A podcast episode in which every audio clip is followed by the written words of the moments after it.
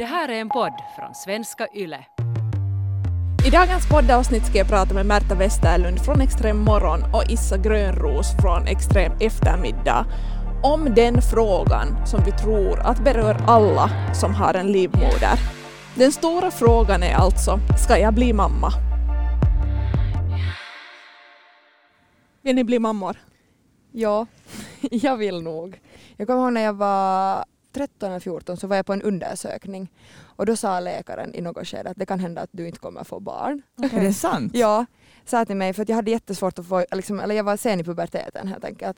Aha. Och, och de var sådär att okej att, att vi ska vänta och se lite, kommer mensen igång och jag tyckte att 13-årig tjej, vet du, Herregud. herregud ta det lite lugnt nu. Mm. Ja. Och redan som då kommer jag ihåg att, att vi pratade med mamma om det för att jag var sådär att mamma jag vill ha barn och hon, hon var mer såhär "Men, sh- vet du, lugn bara att det där var nu helt Man kan inte du, säga så till en 13-åring Nej, heller. att varifrån flög det i? Men att den där tanken har liksom fallit bort nu. Jag menar, sen kom mensen och jag har aldrig varit gladare. Allt kickade igång och det här är ju jättelänge sedan och den där tanken liksom finns inte kvar hos Mm. mig. Okej. Men ändå att, att nu, nu poängterades det väldigt tidigt åt mig att, att, ja, att det finns saker som kan stoppa den där inre längtan som jag redan hade när jag var så pass liten. Ja. kort svar nej, långt svar jag vet inte, jag kanske kan ångra mig. Mm. Okej. Ja, jag kanske lite där på samma, samma plan med dig Issa, men eller Mm. nej, jag kanske inte kan svara nej heller, utan jag vet inte. Det känns också som att det är så farligt att säga nej, för att då finns inte utrymme att ångra sig, för då kommer det alltid finnas någon som säger hej men du sa nej för fem år sedan. Mm. Men jag har ingen biologisk klocka som tickar på något vis. Att när jag ser barn så istället för att tänka, ah, jag kan tänka att de är söta, men det finns ingenting i mig som säger att jag vill ha en sån. Mm. En sån. En sån där produkt. Ja, exakt. Ja. Jag har ju lite det där omvänt att jag går, går omkring och skriker att jag vill ha barn och många barn och vet fan, jag vet ju inte ens om jag kan få ett enda. Mm. Alltså jag har ju åt det hållet att, att det kan ju att den där frågan för mig kan ju också vara, eller till mig kan ju vara sådär att ja, skulle inte skaffa många barn? Och då sitter jag där och sådär hmm, ja, I wish jag, jag ville. Mm. Mm. Att den rädslan finns ju. In- Inte skulle jag säga att, att jag upplever en biologisk, jag känner mig ganska ung. Ja. Jag får tala om att bli ung mamma, men jag tycker man är ung mamma om man är 36. Hur Liksom gammal om är du 10 då? Jag är 26. Jag är också 26. Ja. Okej. Jag tänker att det här är ju liksom, allt som ni funderar här nu, det är ju på något sätt sådär att, att vi kan inte styra över den här grejen. Mm. Eller man Mm. måste ha någon att skaffa det där barnet Mm, med också. Det är sant. Det är ju inte alls länge sedan som jag var sinko. Eller det, såklart man kan fixa det på annat sätt också men, Mm. men att jag hade ändå den känslan av att jag vill göra det med en partner och jag vill Ja. ha liksom på något vis en trygghet före och, och att, att det måste också skapas, det är inte bara hux flux att hitta någon och sen bara sådär okej först saken, nu kör vi. Mm. Och sådär att den processen finns ju också med. Mm. Ja, jag tänker att om jag skulle vilja ha barn någon dag så är jag jättefin med att adoptera eller typ vara fostermamma. Men jag vill ändå inte göra det ensam. Mm. Också lätt att säga nu när jag inte har försökt och haft den längtan. Det kan ju vara att, att jag ser mitt i allt vill och så kan jag inte och så blir jag jätte, jätteförstörd. Jag förstår det där på något vis, för jag tycker att om man tänker på att adoptera, även om vi alla vet att det är en helt jättelång process Japp. det också, Ja. och inte en självklar sak heller, men jag tycker att det tar bort pressen på något vis Mm. att bestämma. Eh, om ni båda är 26 så jag är fyra år äldre. Mm. Det är nu inte hemskt mycket i alla fall i, i mitt tycke. Jag har inte på det sättet kanske haft någon 30-årskris men jag kan nog känna och har känt säkert sedan ungefär 26 att jag har funderat på det här att måste jag ha en tanke att, att, om att jag ska ha barn. Och jag tänker att det här med eh, att adoptera och den tanken har gett mig liksom lite ro Ja. på något sätt. Mm. Att då är det inte utgående från mig själv och min kropp och på det sättet vad den klarar av och det är inte utgående från att jag ska ha en partner som, som fungerar för Mm. mig och som är liksom pappa Matsko. För jag tänker också att det som ni säger, så det är skillnad på en partner som man bara är tillsammans med på tu man hand Mm. och någon som man skulle vilja bilda familj med. Att det är liksom två olika grejer. Kanske sådär 30-årssträcket är, är det där mest kritiska. För Mm. efter det så börjar det ju pratas jättemycket om att okej, okay, men att, att nu, nu börjar, det nog vara sådär att Ja. fertiliteten går nog ner. Men har jag, folk sagt åt Ja. dig? Har, har du märkt att folk liksom, nu när du har blivit 30 mer börjar säga att ska inte du skaffa barn bla bla bla eller fattar de att inte? Ja, alltså jag, jag hade ett långt förhållande tidigare som var nästan nio år och då så fick jag nog en, inte en rak fråga av mina föräldrar, men en liten hint Ja. Mm. om att det kanske skulle vara bra att skaffa en lägenhet där det möjligtvis för framtiden ska finnas plats för barn. Så det är kanske den enda så där lilla piken jag har fått åt det hållet. Som att, vad du inte skulle ha tänkt på det om det ska Ja, Ja. nej, men exakt. Eller, Inte man helt dum i huvudet om man tänker Mm. att man ska ha barn så då skaffar man ja, eller det är väl liksom så där, jag tänker också att, då kan man, att om man kommer på den tanken så kan man ju flytta till Riihimäki Ja. och, och ha 200 kvadrat och föda fem barn på raken. Att liksom, Ja. ingen säger ju att det är en omöjlighet. Men att. Vad var det du Dit jag frågade? Till Riimäki och föda fem barn. Och ja, där vi Alltså det, det här är ju, det är ju förfärligt att säga det, men det här är min liksom, om jag tänker på framtiden, så det är kanske det är det jag allra minst skulle vilja. Flytta till Riihimäki till ett stort egnahemshus och ha många barn. Så Samma. kanske det säger om, eh, någonting om min tanke på något vis. Ja. ja, alltså jag skriker ju till med Riihimäki men nu är det ju egentligen min dröm. Nu vill jag ju egentligen Men det är ett Kanske inte jätteokej specifikt också. Riihimäki men någonstans och, Ja. och ha det där Ja. huset. Och, Ja, men jag tänker att det här är ju nu bara en helt personlig preferens på något vis. Men det här om, om pressen så, jag funderar ganska mycket på det och jag upplever nog att förstås, man kan aldrig säga att, att pressen kommer från en själv men jag upplever inte att, att jag blivit liksom skuffad jättemycket åt något håll förutom den här ena kommentaren utan det är bara en, eh, om man har en livmoder så är det på något vis en självklarhet Mm. nog att, att troligen så vill man ju nog bli mamma. Mm. Ja, alltså hela det här liksom om att, att tycka om barn och vara om, alltså nu är ju en, kanske en kvinna mera om, vad heter inte omsorgsfull men alltså ta hand om och mera sådär i sin natur till viss mån.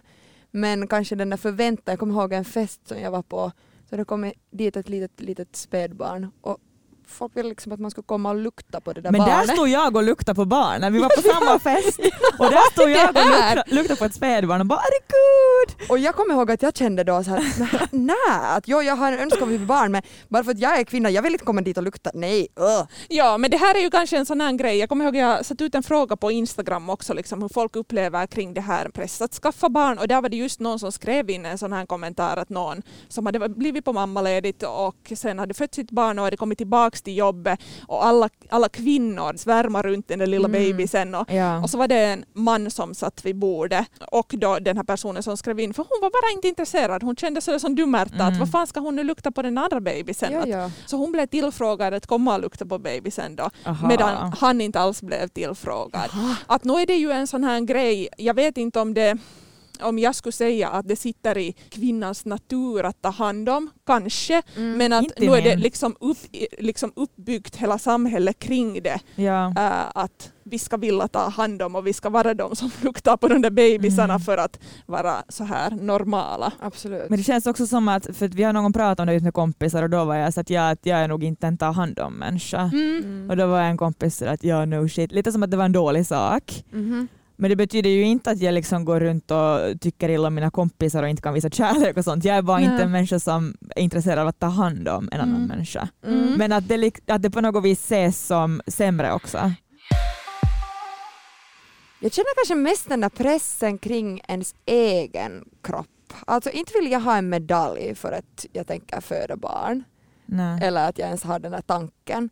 Men att en sån sak har slagit mig nu just sådär, nå är att av naturliga skäl så kanske har min Instagram-feed lite fyllts med barn och Mm. hit och dit.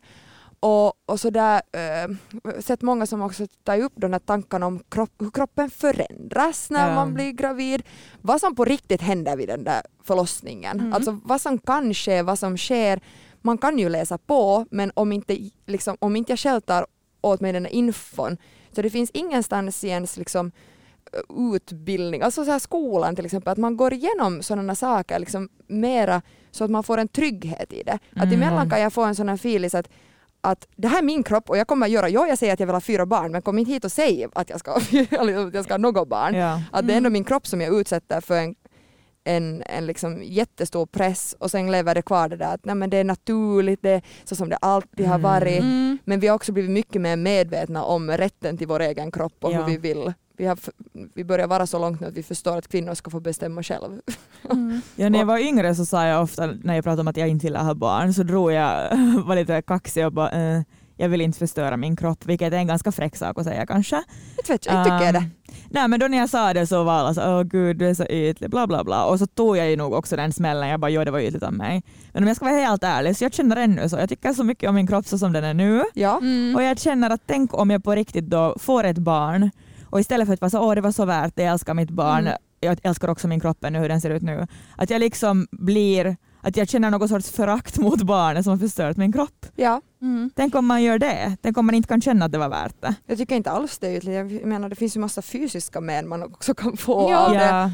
Och liksom att du sen, sådana saker som har normaliserats på något vis som kanske till viss mån ska normaliseras för att det händer så jättemånga men som jag tycker att borde lyftas fram i tanken också att vill du bli mamma, vågar du bli mamma?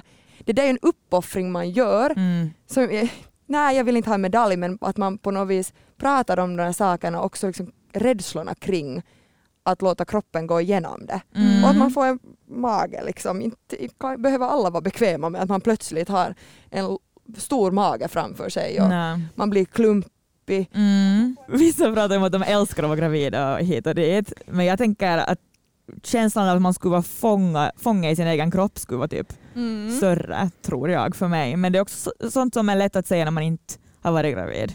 Sen mitt i allt skulle man älska det. Men det kan man ju inte veta. Jag tänker att du har liksom all rätt för jag, jag känner med dig jätte, jättemycket. Jag tror, jag kan ju inte veta innan saker händer. Mm-mm. Så jag tror också att jag inte skulle trivas som gravid. Nej. Kanske det inte känns lika stort som en uppoffring sen när man väntar på det där barnet. Om Mm. man har önskat det där barnet mycket och vänt, liksom stort väntar på det så kanske det inte känns lika. Men tanken på att i nio månader lite ge upp liksom sån kanske fysisk aktivitet som är viktig för en och Ja. liksom bara kanske gå runt och må piss. Ja. Eh, Mm. Så visst så känns det, det känns inte jätte, jättelockande och liksom med vad allt annat det, det medför. Mm. Så jag tycker att, att visst är det här en sak som man får, får och ska prata om och som vi kanske är ännu mer medvetna om just i och med som du Berta säger att ditt flöde plötsligt har fyllts med mamma och babybilder. Jag, jag tänker att det är en helt bra och positiv grej även om man kanske liksom att, att, man ska, att man funderar en liten stund, att man vet vad man ger sig in på. Att kanske, det känns för mig att en del av problemet är det att om du bestämmer dig för att bli mamma så kommer du in på något helt nytt i ditt liv. Och visst finns det Mm. andra sådana delområden i livet också. Mm. Men att det här är en sån grej som på något vis, det finns inte en utbildning eller det finns inte en eh, hur ska jag veta om jag vill bli en mammagrupp där vi pratar Mhm. om hur kroppen förändras, där vi pratar om vad det är att få barn, Ja. där vi pratar om förlossningen. Mm. eh, Hur man ska hålla det där lilla livet Ja. i liv. ja. Jag menar det, att man liksom ställs inför något alldeles, alldeles, alldeles nytt då när man redan är inne i det. Alltså där, jo välkommen till rådgivningen Mm. sen när du är gravid. Ja. Mm. Att förstås sådär, jag tror nog att skulle man ringa rådgivningen nu i sin stad och säga att hej jag har funderat jättemycket på det här att vilja bli mamma. Helt säkert skulle man få stöd. Mm. Helt säkert skulle man få tid ja. att gå. Min sant. mamma jobbar på rådgivning så jag tror att jag skulle ha världens eh, kanske bästa hjälpande hand om jag skulle bli gravid. Ja, så det är ju en liten tröst i alla fall. no, ja no, men exakt men jag tror också liksom att även om vi, min mamma jobbar också på rådgivning Ah, ja. Och vi båda bara nej Ja. till barn. Nej, men eh, jag tänker att, att helt klart så också utan våra mammor på rådgivning så helt säkert skulle vi få stöd och hjälp men att det finns Mm. inte liksom något så här eh, ett utbud liksom av vill, vilja bli mamma-grupp. Liksom på något vis eh, där man bara speglar vad det är att, att kanske bli mamma. För visst är det ju en jätte, jättestor sak på många sätt vad det liksom än handlar om. När vi började prata så sa du Issa att du funderar emellanåt att om du plötsligt skulle få en sån här filis att, att vitsi att jag vill också bli gravid. Att du kan vara, gå omkring och vara lite osäker. Att kanske, Mm. men att egentligen att du tänker nej. Ja. Jag läste om att de som studerar sånt här liksom med hur mycket det föds och, och sånt här med mammor och grejer använder ett begrepp som är ungefär så här att mm, man så här sömn, går i sömnen till att vara infertil. Alltså att på något Aha. vis liksom, att vänta för länge helt enkelt tills det Mm. inte bara går mera. Mhm. Att man på något vis lever i en, i en sån filis att när jag vill så kan Mm. jag nog sen bli mamma. Och så går tiden och så är man Men inte kan liksom man heller skaffa ett barn i förebyggande syfte. Nej, jag håller med helt. Men jag, Liksom. jag skulle vilja höra att vad ni tänker om, om den här grejen, för jag blev på något vis jätteprovocerad när jag läste den här grejen på många olika ställen. Mm. För jag tycker att det finns ingenting som tutas ut så stort som att dina äggceller blir sämre efter att du är 30, 35, Mm. vid 40 börjar det vara redan för sent. Jag tycker att alla är så jävligt medvetna om det här. Eller Ja. Tror ni, tänker ni, eller tänker du till exempel Märta som ändå tänker att du vill ha fyra barn, så tänker du sådär att eh, det kommer nog att, att hända eller att fungera eller du kommer att få de där fyra barnen. Liksom, går, går du runt i sömnen? Jag vill se det som att jag kommer att lyckas få de barnen jag vill ha tills en eventuell sån sorglig stund att det skulle slås i mitt ansikte att det är inte möjligt. Mm. Liksom, nej men som jag sa redan tidigare så känner jag mig väldigt ung Mm. ännu. Ja. Så ännu har jag ingen st- stress i, i, i, liksom, i kroppen att det inte Okej, men om jag är nu djävulens advokat Ja. för att vara den här att, att fertiliteten går ner. Ja, Så nej, inte tycker jag att man ska jobba ja. emot fakta. Alltså, jag menar, Mm. vi kan hur mycket som helst eh, bli irriterade på rubrikerna som säger att klockan tickar. Men det är ju inte idiotförklara. Jag tycker att säga att man går i sömnen tills det är för sent är att idiotförklara kvinnor, för vi vet det. Det, Ja. det känns så vi fattar ju att det. det är så. Det är sant. Ja. ja. bra poäng. Jag vill väl hoppas och tro på att om man som 35-åring inte ännu känner att jag har ett sug efter att bli mamma så man ska inte ångra sig som 55-åring då. Det var någonting som du inte Mm. kände Mm. att livet ska ha. Det finns ju andra saker som, herregud, man kan förgylla sitt liv med. Barn är inte allt. Mm, verkligen. Mm. För ungefär fyra år sedan så har jag för första gången börjat fundera på att kanske jag borde ha en liksom, klar tanke om att jag ska ha barn eller, eller inte. Mm. Mhm. Och då har jag utan att alltså på riktigt ha någon så större önskan om barn googlat ganska mycket fakta kring hur det går att, att frysa ner sina äggceller. Ja. Och eh, hur den processen fungerar och hur stor chans det är att det liksom fungerar sen att om man använder sig av äggcellerna, hur länge de kan vara uh, nedfrysta och så vidare och så vidare. Men att jag tycker att det här förklarar också det att liksom folk tänker ju på den här saken att, att det, det känns, kanske det, visst, kanske det finns sådana som tänker att, no, men att det är hur enkelt som helst att bli gravid sen när jag är eh, 42. Mm. Men att jag tror inte att de flesta är där och går i sömnen Nej. utan att man går, ja, liksom. att man funderar på alla möjliga lösningar Mm. och att man funderar på att tänk om även om man aldrig egentligen har haft en önskan om barn. Mm. Och det här är ju något vi har hört ända sedan vi var unga. ja. Media och allting man konsumerar pratar ju om kvinnor och barn och kvinnor och att det kan bli för sent och bla bla Mm. bla. Och shama gamla mammor och shama allt för unga mammor och det är liksom allting när man är kvinna kretsar ju, eller inte allting men en stor del av ens liv är ju den här frågan just. Nej, du har rätt i det. Inte är det någon fakta som man behöver upptryckt i sitt ansikte. Nej. Det finns nog inte någon 35-åring som skulle vara sådär Va? Finns det en biologisk klocka som Ja, tickar? Vad är det här? det är, nej, Mm. det är sant. Nu när vi pratar om det här att jag skulle på något vis vilja komma ifrån hela den här grejen att vi skulle ha en sån panik. Mm. Så vi ser att 30-strecket närmar sig. Jag upplever att jättemånga i det skedet liksom får en liten panik att nu, nu senast måste jag bestämma mig. Jag läste en Hesaris artikel som säger att äldre föräldrar gör gott åt barnen. Mm. Det står liksom att myten om att unga mammor är bra så har liksom funnits jätte, jättelänge. Mm. Men att det liksom lever kvar ännu idag. Och klart att det finns liksom saker som handlar med, om, om biologi och äggceller och så vidare.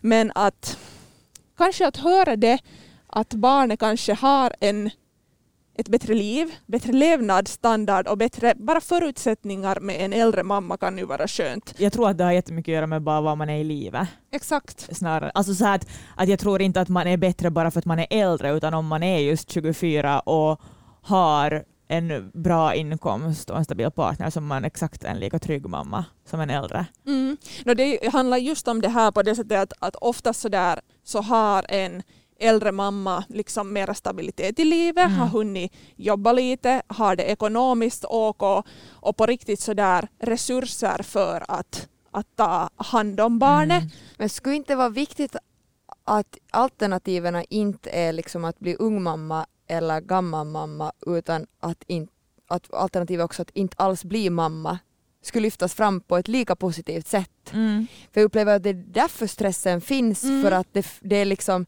det är att bli mamma eller sen vara lite dålig. alltså, Ja. att det är ändå det som vi kretsar kring fast jag tror att man idag inte ändå reagerar lika negativt som förr om man säger att jag vill inte bli mamma eller bestämmer att inte bli mamma.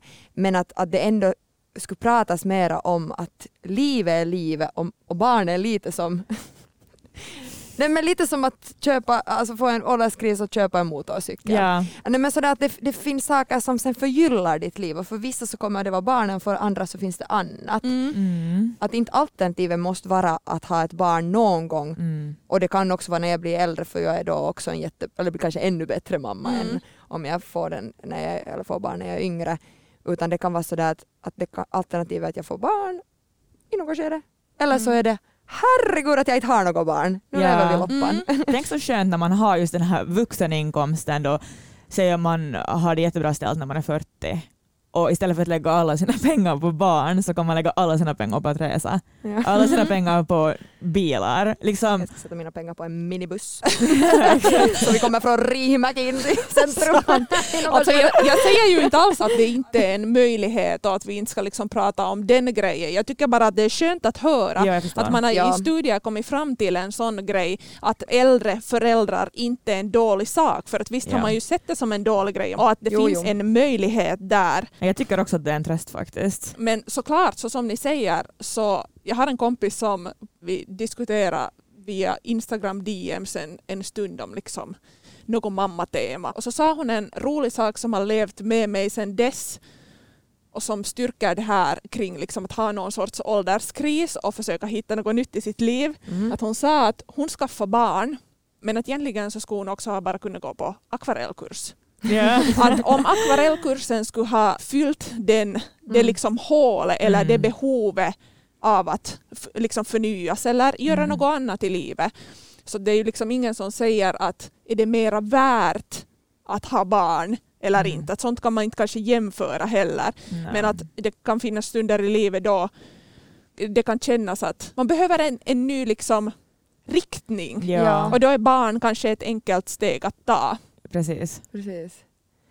Ja, man har en bild av att de som inte har barn inte har en akvarellkurs heller. Nej. Alltså, det kan hända att de har världens akvarellkurser på gång. Och, Det kan hända. Och jättemånga liksom, sociala kontakter. För jag, jag tänker mig att det är ofta dit som i alla fall många tankar så här diskussioner man har varit i att, att vad händer sen när man blir gammal om man Mm. inte har något barn och barnbarn. Men Mm. vad fan hur många hä- hälsar nu på sina far och morföräldrar hela tiden Mm. eller sina Mm. föräldrar däremot. Det finns ju människor som inte har kontakt med sina föräldrar Exakt. och föräldrar som inte har- får ha kontakt med sina barn för att de har Mm. varit assholes Mm. mot sina Exakt. barn. Mm. Det är ju levt kvar i att man ska få barn för att de ska ta över gården och, och liksom generationen ska gå vidare och vi måste ha någon som tar hand om oss när vi blir äldre. Mm. Och det, ju, det existerar ju inte Mm. mera. Har man barn och barnbarn men man har ingen annan än dem så nu är man ju ändå jäkligt ensam när man är gammal sen Mm. och alla flyttar ut. För man kan ju inte kräva att någon ska att någon annans liv ska kretsa kring en fast det då är ens egna barn och barnbarn. Så då kanske det var bättre att gå på akvarellkurs och Ja. massa, massa kaverin därifrån man kan Men man måste ju ändå se till att liksom upprätthålla sina egna sociala band och Mm. liksom ha kompisar och sånt när man är äldre. Absolut. En grej som jag funderar jättemycket på när det gäller den här funderingen att ska jag bli mamma? Det är jämställdhet. Mm. Ja. Att går det att upprätthålla ett förhållande då när man har ett barn, att det är jämställt? Eller är vi så färgade av föräldraroller och normer? Vi pratade tidigare redan om den grejen att det finns en ganska stor förväntan på att mammorna ska ta hand om barnen Mm. hemma. Och jag såg en spännande Vox-video om den här som egentligen handlar om löneskillnader. Men eh, där man ganska snabbt kom fram till att egentligen så handlar det inte om löneskillnader mellan män och kvinnor utan det handlar om löneskillnader mellan mammor och alla fucking andra. Mhm. Okej. Men det handlar alltså i korthet om den grejen att de största löneskillnaderna är därför för att mammorna blir hemma och papporna klättrar på karriärstegen. Mm. Jag blir ju helt liksom kackarädd när jag tänker på det här. Mm. Därför för att jag är skiträdd att bli en bitter kärring. Ja.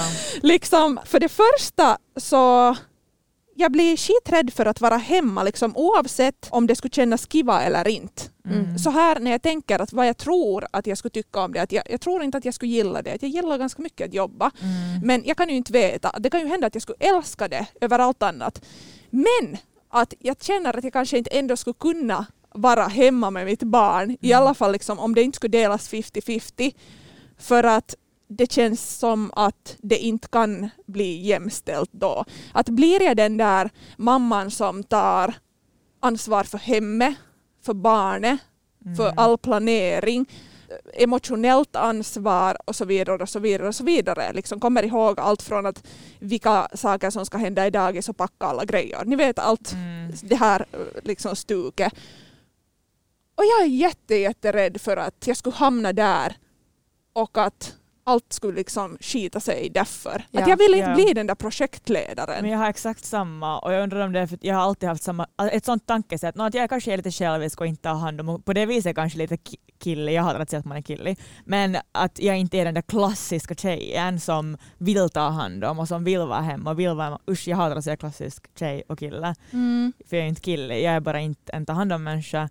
Men jag är jätterädd att jag skulle bli, som du sa, bitter om jag är hemma med ett barn, fast jag vet att min då pojkvän skulle bli hemma lika länge efter att min tid är slut, så skulle jag ändå inte kunna låta bli att vara sur över att det är jag som gör uppoffringen bara för att jag är tjej. Fast det inte ens skulle vara så. Fast han skulle vara lika länge ledig som jag sen.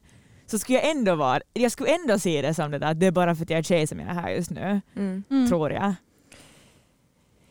Ja, jag tror inte att... eller jag vet inte med de här löneskillnaderna om det spelar in, men jag tror inte annars att, att man behöver bara fokusera på den där första tiden, vem som är hemma, för där tror jag vi, vi börjar närma oss en möjlighet till ett mer liksom, li, eh, vi delar lika på det här första ansvaret. Mm.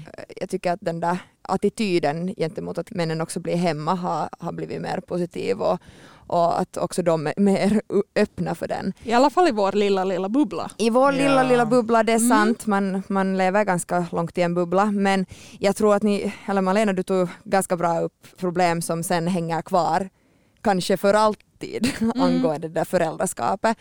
Jag anser att jag lever i ett väldigt jämställt förhållande men inte det är ändå jämställt. Alltså om vi jämför med Issa nu så jag är mer den där, jag vill ordna, jag vill fixa, ska det vara picknick så vill jag, nej men jag vill att alla ska ha varsin smörgås med, jag vill liksom, jag har väldigt det här inom mig, den där fixaren. Mm. Men samtidigt så skulle jag känna den där bitterheten som du Malena tar upp Mm.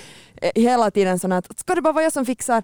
Men jag vill ju fixa, men ska det vara bara jag som fixar? Och det där är ju Mm. helt grundgrejer fast man inte har barn eller någonting om man är i en relation där man inser att vi är så totalt olikt skolade. Alltså jag ser upp till Issa som har lyckats riva sig därifrån och är sådär, någon spillde på golvet på en fest.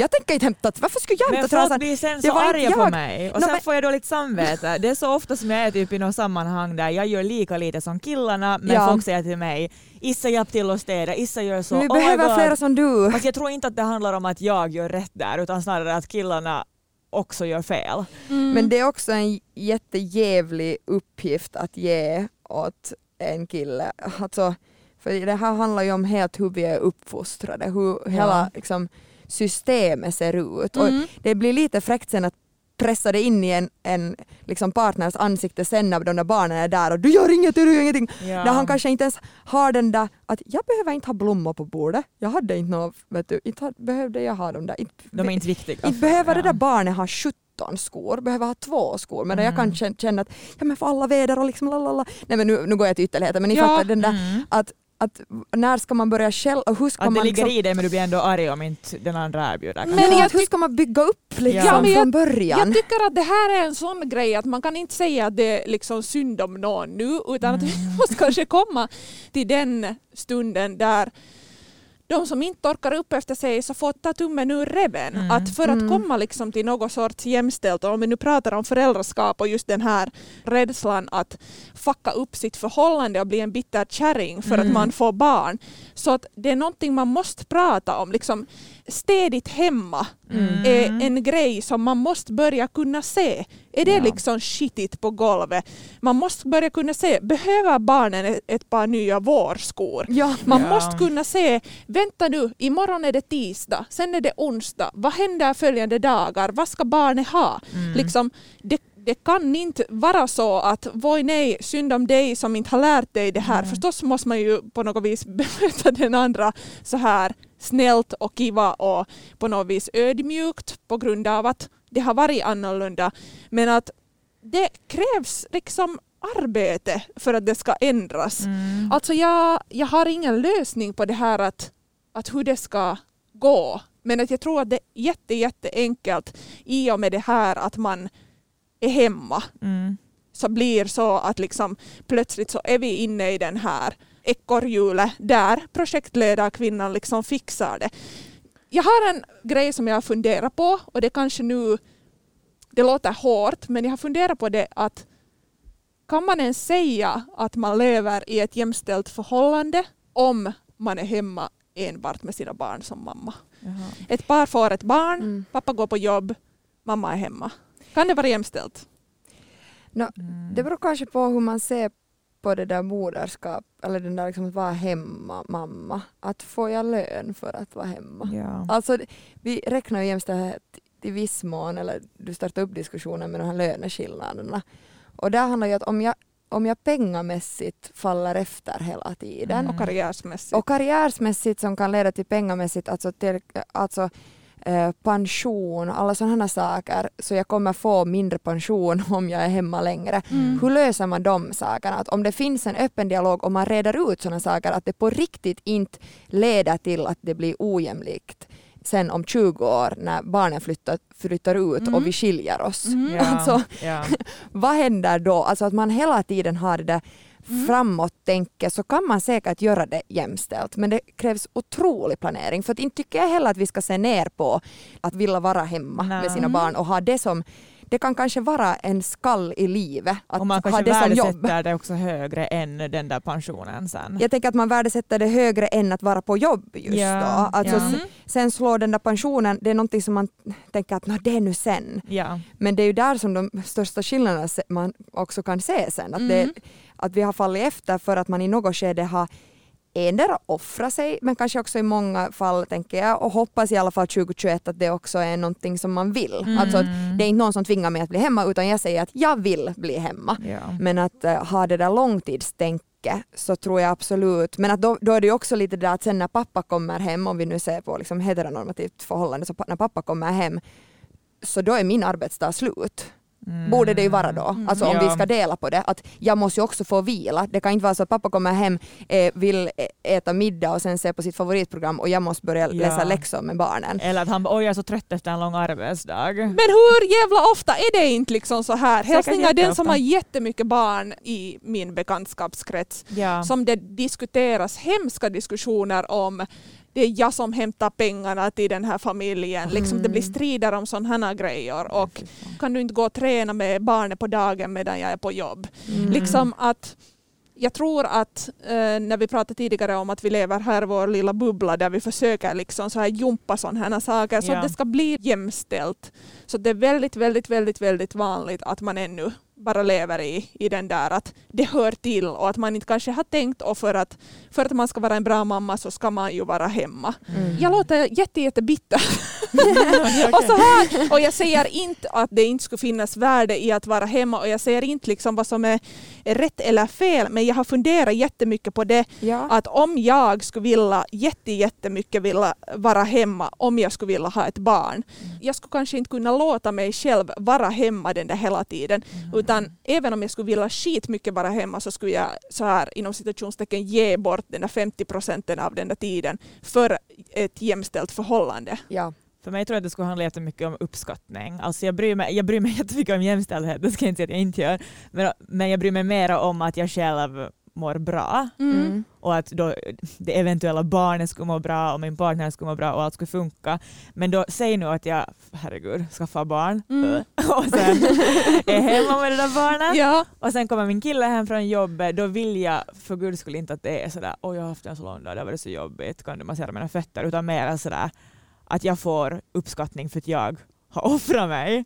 Fast det blir också dumt att jag är där så att ja, nu ska jag ha en klapp på axeln för att jag offrar mig för Men- barnet. Men jag vet med mig själv att jag skulle känna så. Ja, men jag förstår. Och du, jag måste säga att då är det ju om mamma är hemma med barnet, eller den föräldern som är hemma med barnet, så den gör ju för fan det viktigaste av alla don. På Ja. grund av att det handlar om en gemensam grej, ett gemensamt beslut, ett gemensamt barn. Ja. En gemensam, liksom, eller hoppeligen en gemensam uppfostran. Mm. Så jag tycker det där hemmadonet är ju det allra, allra viktigaste. Så såklart kräver det en klapp på axeln. Mm. Det är hundra gånger enklare att komma till ett kontor och liksom prata med vuxna människor Ja. än med en ettåring som har en skitdag. Du kan inte säga att skärp dig, nu, nu är det måndag, Ja. nu ska vi kämpa igenom det här. Som du kan gå och säga på kontoret. Ja. Att klart man kan vara liksom slutpumpad av jobb också men jag tycker att det allra, allra viktigaste donet är ju då med det där barnet. Ja. Så klart man måste få en extra klapp på axeln.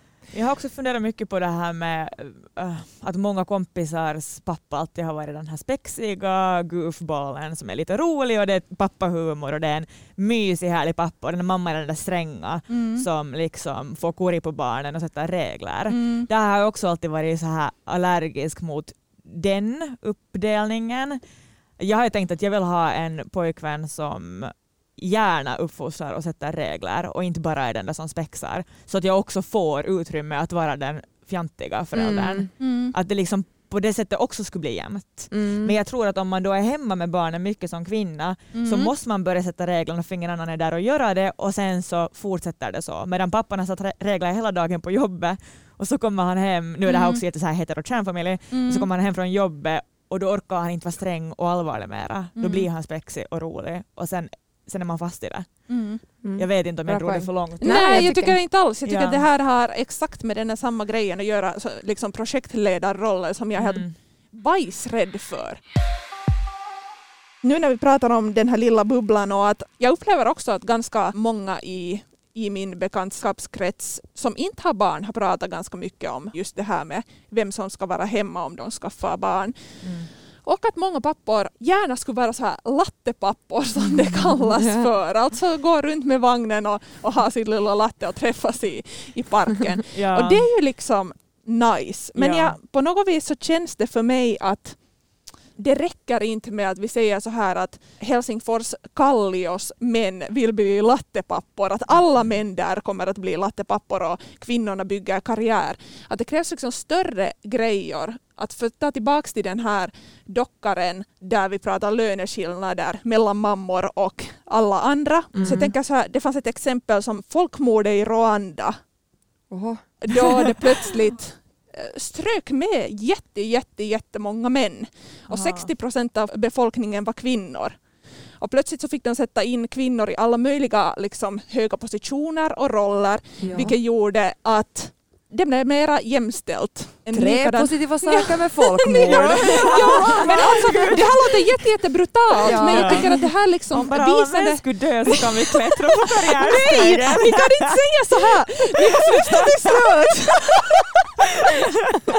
Ni måste lyssna till slut! Ja, ja. Tänkte så här, Island var en annan grej där de har, var det 2001 har gjort en sån större reform där de har fixat till det här med föräldraledighet, där föräldraledigheten är nio månader och tre månader är alltid papporna hemma med barnet. Okej. Ja. Vilket också liksom har fixat till det här med löneskillnaderna. Ja. Ja. Så det liksom krävs en större grej än att en liten bubbla och Kallio-männen Mm, vill dricka latte. jag vill dricka latte och vara hemma med barnen. Att det krävs liksom en jätte, jättemycket större förändring. Mm. Nu säger jag inte att folkmord är en liksom bra grej. Det är en bra lösning. Men att det var liksom bara en så sjuk grej. Ja, att ja, att. Rwanda och Island är de ställena där det finns den minsta Men du att på löneskillnaden. Island så är det obligatoriskt för papporna Ja. att bli hemma? Eller det är inte obligatoriskt men det, det är liksom fixat så att tre månader är lönsamt för papporna att vara Ah. borta. Därför tar många den, den chansen. Och i Finland är det så att man bara får. Ja. Ja. För det är ju med många så här stereotypiska grejer att man måste pressas ut ur dem. Jag måste sluta stiga upp och putsa den där fläcken på bordet eller Mm. golvet. Mm. och liksom tvinga någon annan att göra det och tvinga mig själv att bli kvar i soffan för att få en förändring i det så att någon inser att ah, det var inte så jättejobbigt och hej, folk uppskattar att jag gjorde alltså, Ja. Jag går tillbaka till det exemplet men jag tänker att det är något som alla kan känna i- eller många kan känna igen sig i. Ja. Eh, och en sån sak är för jag tänker att det också finns många kvinnor som kanske lyssnar på det här och tänker att, att nej men jag vill ju bli hemma, jag vill ju vara den där som tar hand om och ska jag inte få vara det då? Att varför ska vi liksom pressa oss ur, ur sådana här uppgifter som jag kanske har sett fram emot. Eh, men det man, krävs kanske att man pressas ut och den andra pressas in för att man inser att ah, hej, nu kunde man njuta av att ha det där ansvaret Ja. också. Jo, jag hoppas ju att, att det kanske är just det där att om man inte har insett att varför man ibland kan ha så här inre aggressioner och gå runt och så med den där jävla trasan och liksom fixa bordet. Så det är kanske på grund av det här, att man har jätte- jättemycket ansvar. Ja. Sen tror jag att en grej som fixare har, alltså om man fixar och får uppskattning, vitsi så kiva att du har ordnat så här fint, tack att du har lagat de här smörgåsarna. Mm. Då känns det kiva att fixa, men när det personlighetsdraget blir någonting som andra tar för givet så är det kanske inte kiva mera. Det är inte kiva att städa lite extra fint för att ingen bryr sig om det, alla ser istället det som någonting som man måste göra. Mm. Jo, eller att det känns du ju det som ändå att jag sa det jätteklumpigt. Nej, men sådär att, Nej, inte alls. Nej, men Ja. det är så osynligt arbete som bara händer som gör att allt flyter Mm. på. Ja. jag vill bara inte att om mammor lyssnar som är så här klassiska hemmamammor ska känna att vi pissar på dem och tycker att de är dåliga feminister. Jag tycker att vi säger det att också de som är hemmamammor som måste kräva för att vi alla andra ska också få ha det liksom bättre. Ja. Att man kan inte bara sopa egen gård hela tiden. Nej. Att vi måste liksom tillsammans göra en förändring och samtidigt liksom jämföra med folkmord och Island. Att ibland kanske det inte ens räcker med att så här individualism, att vi liksom försöker fixa grejer på Mm. egen tomt och att, att alla lite fixar så blir det nog en förändring. Att vi kanske behöver liksom tvingas in i det via Mm. någon större politisk förändring. ja, Absolut. det tror jag nog på. Och att det inte blir så som det alltid i något skede när man hamnar när det handlar om jämställdhet att vi kvinnor sinsemellan börjar pissa på varandra för att vi tycker att, att men du gör fel och du ska göra så här och du ska göra så här Ja, utan nej. istället get together och så gör vi Jo, och vi har ju kanske- rädslor som kommer från just det här, så det är inte så att vi pissar på andra utan det är ju för att vi är rädda för att det ska bli så för oss. Jag vill ha barn, jag, jag vill bli en lattemorsa med min lattefarsa bredvid mig. Ja. Jag tycker att det låter som en, en jätte, jättebra grej och jag tycker på något vis att du Märta var inne på en sån en, en helt jätteviktig grej att det krävs för fan planering för att komma runt en sån där grej med jämställdhet och för att man ska ha någon sorts säkerhet i, Mm. Ja. i att, att, liksom, att det kommer nog att bli bra. Liksom att, eh, man kan vara rädd, eller jag kan vara rädd för att kacka förhållande på grund av, Ja. av ba, ett barn eller flera barn. Men Malena, du kommer ju alltid fram till den fantastiska slutlinjen att man måste prata. Okej, men det är nog bara är. måste. Det är så jävla svårt att kommunicera, men man måste. Ja. Och också saker som gör lite ont och lite jobbigt att prata om, Mm. så måste man prata om och säga hur man vill ha saker och ting. Mm. Inte vara sådär, ja ja men det hör till. Nej, säg att det inte hör till. Ja, men jag måste fortsätta jobba för jag ska ha råd att köpa en minibuss. Följ oss på Instagram, på yleextrem6.